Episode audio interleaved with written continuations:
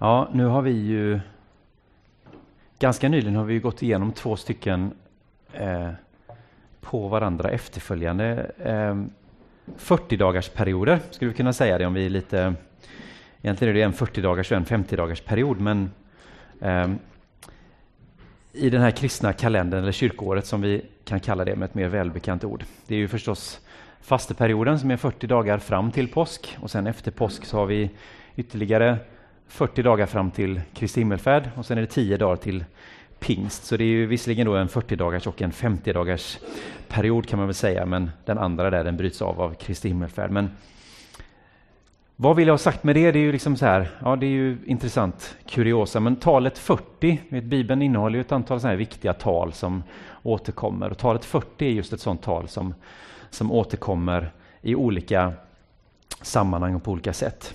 Kanske det mest kända är ju Israels folk som fick vandra i öknen i 40 års tid. Och det är ju lätt att bara liksom man säger ja 40 år, men det är ju ganska, det är ganska länge.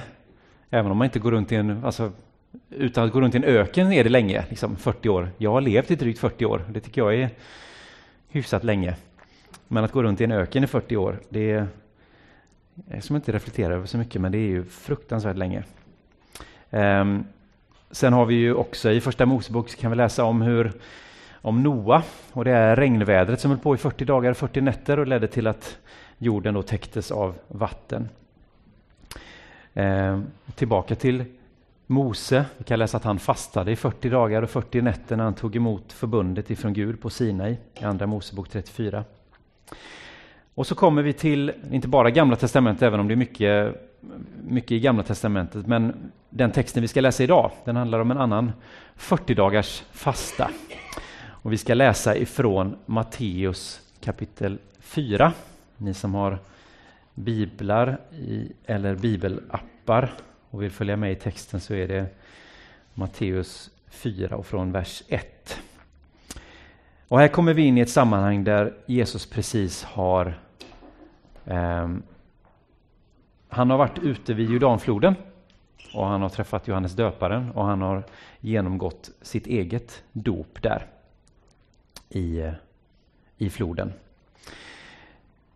Och sen kan vi läsa följande. Sedan, så efter det här dopet, då, så fördes Jesus av anden ut i öknen för att sättas på prov av djävulen. När han hade fastat i 40 dagar och 40 nätter blev han till slut hungrig. Då kom frestaren och sa till honom om du är Guds son, så befall att de här stenarna blir bröd. Jesus svarade Det står skrivet Människan skall inte leva bara av bröd, utan av varje ord som utgår ur Guds mun. Sedan tog djävulen honom med sig till den heliga staden och ställde honom högst uppe på tempelmuren och sa Om du är Guds son, så kasta dig ner. Det står ju skrivet, han ska befalla sina änglar och de ska bära dig på sina händer så att du inte stöter foten mot någon sten. Jesus sa till honom, det står också skrivet, du ska inte sätta Herren din Gud på prov. Nu tog djävulen honom med sig upp på ett mycket högt berg och visade honom alla riken i världen och deras härlighet och sa Allt detta ska jag ge dig om du faller ner och tillber mig. Då sa Jesus till honom Gå din väg Satan. Det står ju skrivet Herren din Gud ska du tillbe och endast honom ska du dyrka. Då lät djävulen honom vara och änglar kom fram och betjänade honom. Herre, tack för ditt ord som är levande och som talar till oss genom historien in i våra liv där vi befinner oss här och nu. Tack för att ditt ord eh, ständigt eh, finns att hämta nya, eh, ny inspiration, nytt liv, ny glädje, ny uppmuntran, ny korrigering från. Herre, tack för att det är ett levande ord. Jag ber att det ska få tränga in i våra hjärtan idag. Herre, att det här ordet ska få bli till liv i våra liv, att det ska få bära frukt som består. Amen. Den här berättelsen, eh, som är en liten sån intressant eh, intressant skildring av någonting som händer i början här av Jesu tjänst. Den återfinns ju inte helt överraskande hos de här tre som vi kallar synoptikerna, då, de här tre evangelisterna som berättar ganska snarlikt berättelsen om Jesus. Eh, Matteus, Markus och Lukas. Johannes som vanligt, han kör sitt eget race och har inte med den här berättelsen i sin skildring. Och av de tre synoptikerna, då Markus version, den är karaktäristiskt kortfattad. Det står bara att Jesus går ut i öknen i 40 dagar, 40 nätter, blir prövad av djävulen och sen blir han betjänad av, av änglar. Medan Lukas och Matteus, de går in lite mer på detalj och berättar om de här prövningarna och frestelserna som, som djävulen försöker snärja Jesus med. I övrigt är ungefär samma berättelse. Matteus och Lukas, eh, där kommer prövningarna till Jesus efter 40 dagars fasta. Båda författarna noterar lite krast kan man väl tycka att efter denna period på nästan sex veckor så blir Jesus hungrig. Eh, jag kan ju känna igen det där med att jag blir hungrig, men det är ju mer så här, jag vaknar på morgonen och sen blev jag hungrig. Eh, hos Jesus så är det efter sex veckor i öknen. Det är liksom, då känner han att det börjar kurra lite i magen. Men jag antar att det kanske är så med många av er att eh, ibland så kommer man i situationer där man känner sig lite så extra lättretlig, eh, man kanske känner sig omotiverad, man känner sig lite trött, man saknar lite energi, kanske framåt eftermiddagen. Eh, man märker att oh, jag kommer på kant med andra här och vad är värst vad jag är taggig och blir arg på folk och så inser jag att ah, men just det, jag hoppade över lunchen eller jag har slarvat med maten idag igen. Att, ni vet, man kan vara lite stressad och så, så kan det bli att man slarvar lite med, med maten. Eller ni kanske är den typen av människor som säger så här, ah, men får inte jag min kopp te eller min kopp kaffe på morgonen innan dess så är liksom min hjärna inte igång. Jag måste ha det för att börja dagen, för att komma igång. Ibland kan man läsa om elitidrottare eller andra högpresterande människor och deras rutiner som ofta är väldigt sådär rigorösa. Regelbundna, välplanerade måltider, gärna en tupplur på eftermiddagen innan matchstart på kvällen för att man ska vara i ett optimalt tillstånd när tävlingen eller matchen ska dra igång. Och så när man läser den här texten hos Matteus och Lukas så känns det som att Jesus har ju verkligen fått de absolut sämsta förutsättningarna att lyckas med de här prövningarna. Tänk att det är Jesus, han sitter där på fredag eftermiddag. Yes, veckan har varit lång, de här sex veckorna. Det har varit tuffa veckor kanske. Nu, snart, ska vi få bryta fastan. Jesus sitter där på fredag eftermiddag och väntar på att få gå hem och njuta av helgen och så kommer någon knacka på dörren och säger du, det har totalt havererat här, det har skett en katastrof och Jesus bara nej, jag orkar inte. Eller tänk ut det sämsta tänkbara situationen för egen del.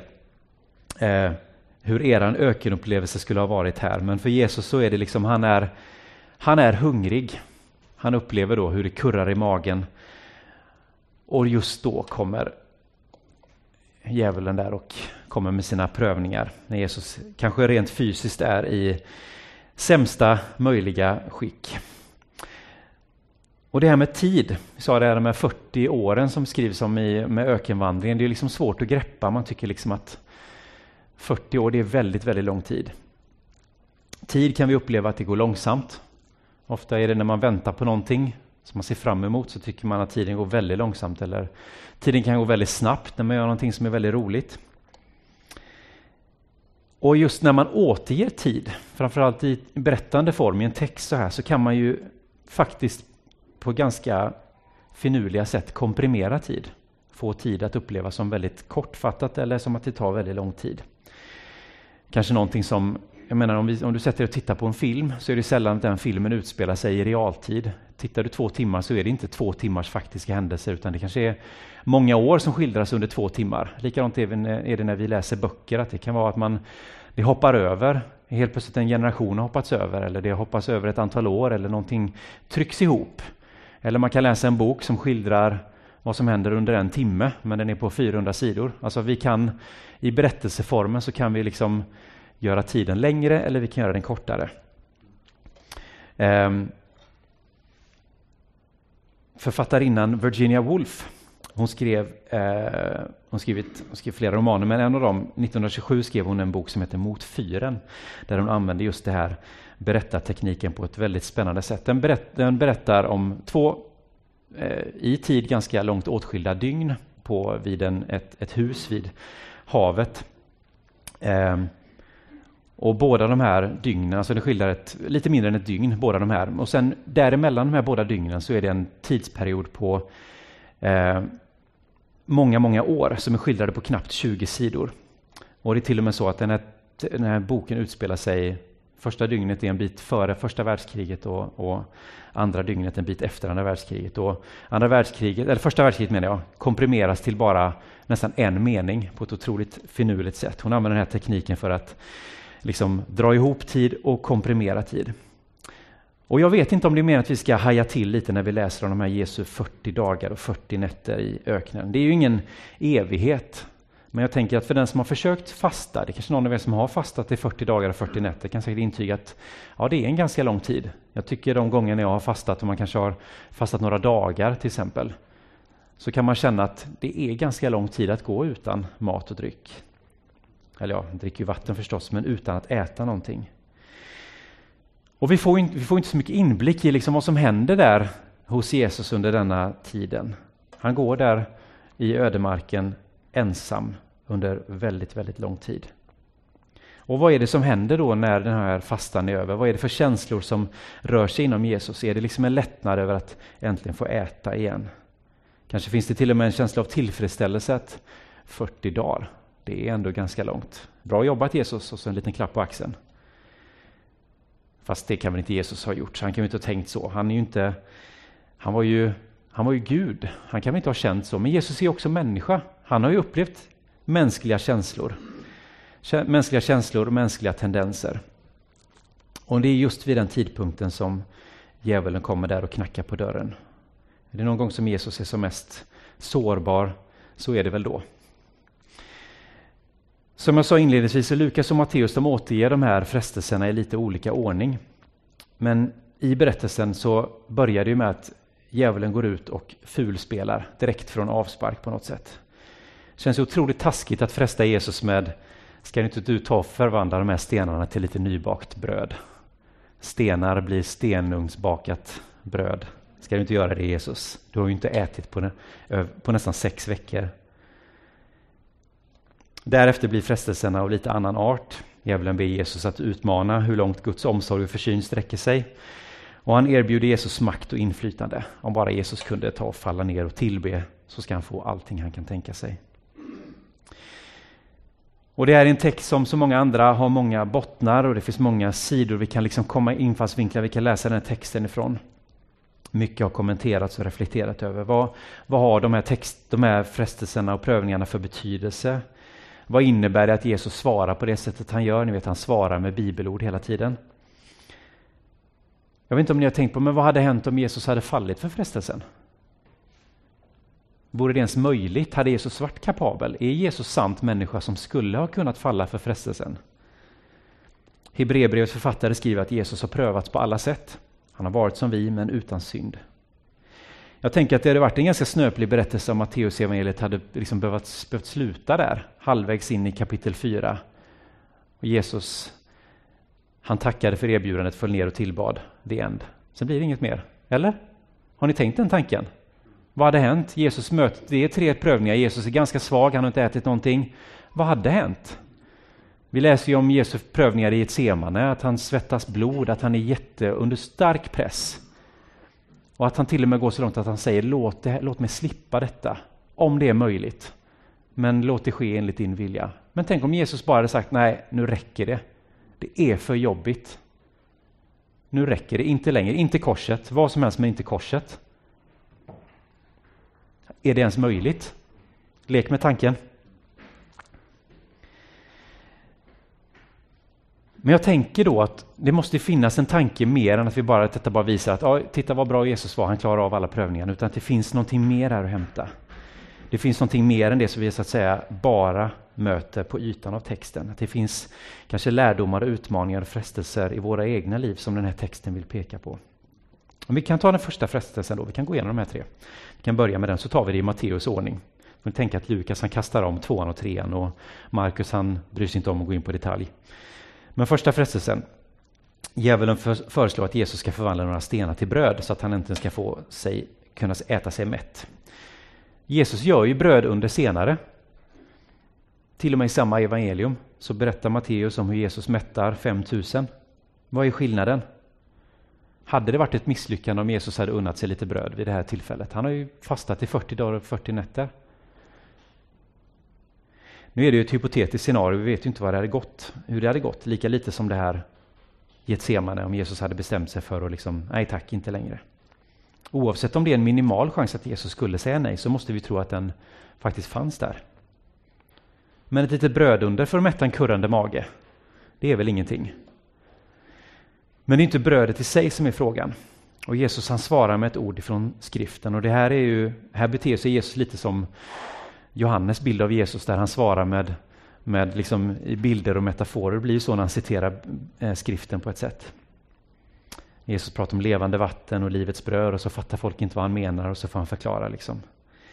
Och att det är lite så här också, Jesus menar väl inte att det räcker att äta Guds ord för att bli mätt. Han måste väl äta mat också. Det är väl inget konstigt med det. Men egentligen kanske det handlar om något annat. Det handlar om att åstadkomma någonting. Att fokus hamnar på att Jesus själv ska genomföra någonting. Han själv ska ta saken i egna händer. Han själv ska mätta det här behovet och han ska utföra någonting. Kanske som också hade gett en liten skön känsla. Att om nu löser jag det bekymret på, på ett övernaturligt sätt. Jag kan tala till den här stenen, jag kan vidröra den, hur det nu går till och så blir den bröd och så äter jag den och så har jag, liksom, har jag löst det. Men poängen med att Jesus utför de här rundorna, poängen med att Jesus mättar 5000, det är ju inte att Jesus ska framstå som en superhjälte som kan utföra stordåd. Utan poängen är att mätta hungriga magar, att Gud ska få äran. Hade Gud fått äran om Jesus hade tagit en genväg där och förvandlat stenar till bröd? Tveksamt va? I den andra frestelsen så erbjuds Jesus egentligen ingenting. Det handlar vare sig om grundläggande behov som mat och bröd eller som i den nästa frestelse om makt och ära och inflytande utan istället ber djävulen Jesus att kasta sig ut ifrån tempelmuren. Att testa, se vad som händer. Gud kommer väl att rädda dig. Ska du inte se vad som händer? Och Det är faktiskt den enda av de här tre frestelserna där djävulen försöker använda Guds ord emot Jesus, så att säga. Att locka honom och säga, så här står det ju faktiskt i Bibeln, det finns ju ett löfte. Du kan väl bara testa och se så att det håller. Liksom. Och det verkar ju inte helt orimligt. Men när Gud hade väl kunnat göra det så hade det inte varit någon, något värre med det. Ofta kommer frestelserna till oss förklädda som lockande alternativ. Det är väl det som, därför det är en frestelse, att vi frestas av det. Det låter bra, det låter helt rätt. Men som någon uttryckte det, att vägen till helvetet är asfalterad med goda intentioner. Kunde Jesus ha gått med på djävulens förslag? Ja, säkerligen. Men då har han samtidigt brutit mot ett annat bud, en annan uppmaning att inte pröva Gud. Och det vet Jesus om. Och det är ofta det det handlar om. Att kunna urskilja, urskilja det sanna och väga det mot någonting som är, låter bra, men som vid närmare granskning kanske inte riktigt håller. Det är ju väldigt sällan så att frestelser innebär helt svartvita alternativ för oss. Det är bara att gå till våra egna liv. Hade vi inte varit lockade att tacka ja till det så hade det kanske inte varit en frestelse, eller hur? Men det finns någonting i det som, ja men det låter ju bra, men det där är ju bra. Så kanske det är någonting ändå som skaver som gör att vi inser att det här är inte det bästa.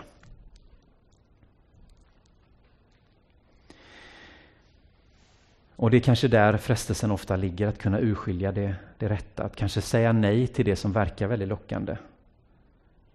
Det som verkar rimligt. Men därför att det finns en, så att säga, en, en, en högre sanning. Någonting som är mer rätt än det andra. Den tredje frestelsen kanske inte så mycket, han, eh, det är kanske inte så många av oss brottas som ett reellt problem. Att erbjudas inflytande och makt över alla världens riken. Men vad handlar makt om egentligen? Vad är makt? Makt är ju kontroll, eller hur? Vi har nyligen passerat hundra dagar av krig i Ukraina. Och det ser inte ut att vara någon ände än på ett bra, bra länge. Och visst finns det flera faktorer till varför kriget utbröt, varför Putin beordrade en invasion. Det finns historiska, det finns politiska, ideologiska orsaker till det. Men visst handlar det också om, till stor del om en, en människas behov av makt och inflytande, av kontroll. Och där det finns ett behov av kontroll, där växer rädslan, där växer paranoian. Sann tillbedjan, det är att släppa kontrollen. Det är att flytta maktcentrat från sig själv till någonting större. Det är därför sann gudstillbedjan alltid innebär att vi ger upp kontrollen. Vi överlåter oss själva, våra egna behov, våra egna önskningar, våra egna begär. Det, som, det byte som djävulen erbjuder är en förvriden variant av tillbedjan. Det är ingen sann tillbedjan. Det är att till synes ge upp kontrollen för att snarare tillskansa sig mer kontroll själv. Vi tillber ju inte för att få någonting. Vi tillber ju för att det är en övning i att ge upp kontrollen, att ge upp oss själva, ge upp våra egna behov. När man läser den här texten och man läser hur sen liksom när de här tre prövningarna där Jesus hade genomgått dem och liksom fått godkänt, godkänt, godkänt. Så står det att djävulen drar sig undan och så kommer det änglar fram och bekänner honom. Och för att återigen börja tänka vidare lite, det som inte står i texten men det som ligger där, undan av, ligger där under av funderingar som vi kan tänka på och grubbla lite över. Så kan man tänka sig när det står att djävulen drar sig tillbaka, är det så att han bara inser att ja, bra Jesus, du klarar det. Uppkörningen, check, klart. Nu så, det är bara att köra. Låter han Jesus vara i tre och ett halvt år efter detta? Blir Jesus aldrig mer frestad efter det? Är det första och enda gången? Och djävulen inser att nej, han är för bra. Det är ingen idé. Eller är det meningen att vi ska förstå att det här är någonting som Jesus fick förhålla sig till under hela sin tjänst? Fortsatte det komma frestelser? Var han frestad mer gånger att ja, men vi tar till ett litet underverk här. Vi löser det här problemet på ett övernaturligt sätt. Vi vet när han hänger på korset så får han, blir han utmanad av de som står nedanför. Kan inte du gå ner från korset då om du är Guds son? Vi vet att han fortsätter, han fortsätter att prövas och frestas. Blir han aldrig frestad att ta makten för egen, egen vinning? När de kommer där och ropar Hosianna och viftar med sina palmblad, blir han aldrig sugen på att faktiskt, ja, men jag ska nog ta och gå in och sätta mig där på tronen. Det är ju jag, jag är ju Davids son, jag har ju rätt att göra det. Ska vi inte ta och lösa det på den vägen? Men han vet att det är inte den rätta vägen. Det hade säkert blivit jättebra och jättefint och bra jordiskt rike som Jesus hade regerat över. Men det är inte den rätta vägen, för det finns ett bättre alternativ. Hur är det i våra egna liv? Övervinner, övervin, övervinner vi frestelser som när vi har gjort ett examensprov eller skrivit en tenta eller någonting och sen behöver vi aldrig bekymra oss över det. Ja, men jag är klar. Det har varit studentfirande nu i helgen och studenter som, som har kastat hattar i luften och jublat och nu är det äntligen över, behöver inte tänka på gymnasiet mer. Är det så med våra frestelser? Ja, nu är det klart, nu har vi tagit studenten, nu är det lugnt. Nu är det gräddfil resten av livet. Men såklart inte är. Det är inte så att Jesus här har gjort en ökenvandringens version av den svenska klassikern. Han klarar Vasaloppet, Vansbrosimmet, Vätternrundan och vilken är fjärde nu? Men så checkar jag på det, nu är det klart. Nu har jag diplomen på väggen. Nu, Lidingöloppet, ja. Nu kan jag liksom, nu kan jag sitta och dega lite. Nu sitter jag och äter chips i soffan resten av livet och så liksom kan jag titta på mina forna bragder. Trona på minnen från fornstora dagar. Är det det Jesus kunde göra och se att, ah, kommer du ihåg öknen? Då besegrade jag djävulen. Jag har inte varit frestad sedan dess. Ja, men jag tror inte det och det är inte så i våra liv heller, eller hur? Vi vet att Jesus under sitt fortsatta, sin fortsatta tjänst, sitt fortsatta liv, han drog sig undan gång på gång till öde, öde trakter, till öken, ökenområden och gick in i nya ökenperioder. Kanske inte 40 dagar igen, men han drog sig undan för han visste att jag fixar inte detta bara liksom för att jag har klarat det en gång. Han fortsatte säkert att möta prövningar, möta frestelser, men han föll inte för dem. Och så är det ju med dig och mig också, eller hur? Vi möter ju frestelser gång på gång. Har vi övervunnit en frestelse en gång så är inte det sista gången vi mötte den. Den kommer komma igen imorgon, i övermorgon, varje dag. Det kommer nya frestelser. Vi kommer ställas inför situationer där vi är helt överrumplade av frestelser. Vi har ingen aning om hur vi ska bete oss. Vi står där och så... Ja. Och vi kommer falla för dem.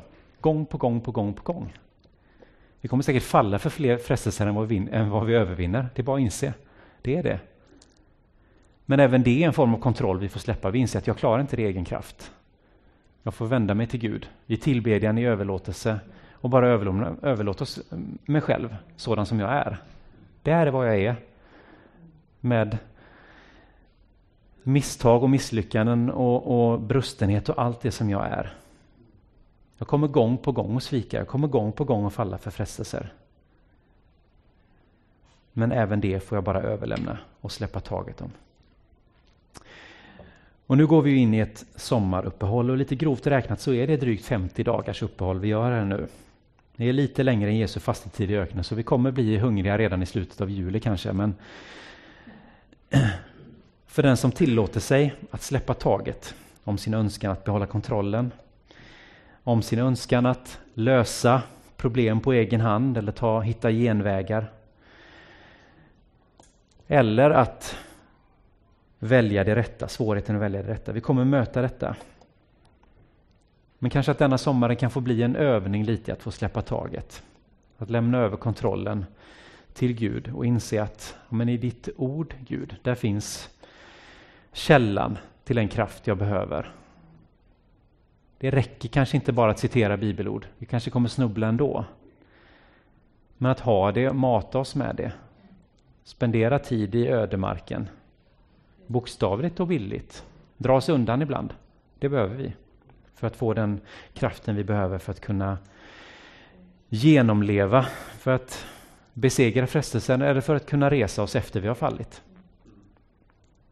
Det är med Guds kraft, inte vår egen. Vi ska strax gå in i nattvardsfirandet och eh, där får vi också ta del av brödet. Inte en snabbfix, inte stenar som har förvandlats till bröd, utan det är bröd som blir Kristi kropp. Och vi får mättas av det.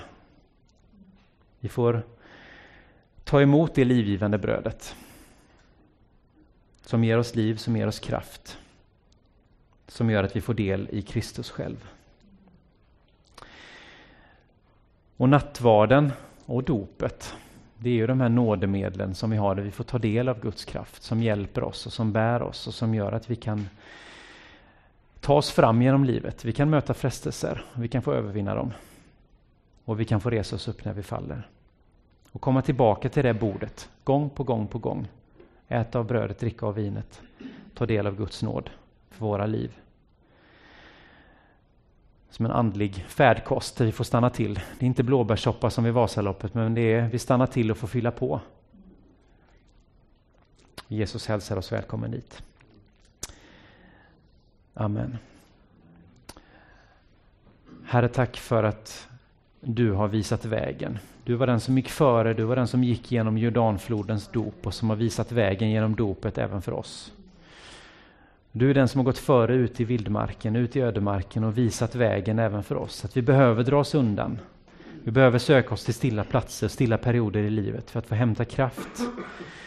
För att genom, när vi släpper kontrollen, när vi bortser ifrån våra egna behov och söker oss till dig, till din gemenskap Herre, så får vi hämta kraft, vi får hämta liv. Vi får hämta det i dopet, vi får hämta det i nattvarden. Hämta kraft, hämta andlig mat som bär oss genom livet. Tack för att vi får lämna den här, de här sommarveckorna framför oss. Här. Vi har kanske planer på aktiviteter, på resor, på semester, på avkoppling, på ledighet. Låt det också få bli en form av återhämtning för oss. Att få hämta kraft, att få hämta styrka i dig, i gemenskapen med dig, i, i ordet, i bönen, i gemenskapen med syskon, Herre. Så att vi får andas in och ta del av din, din ande, av din kraft, av ditt liv, Herre. Så att vi orkar vidare, kämpa vidare. I Jesu namn. Amen.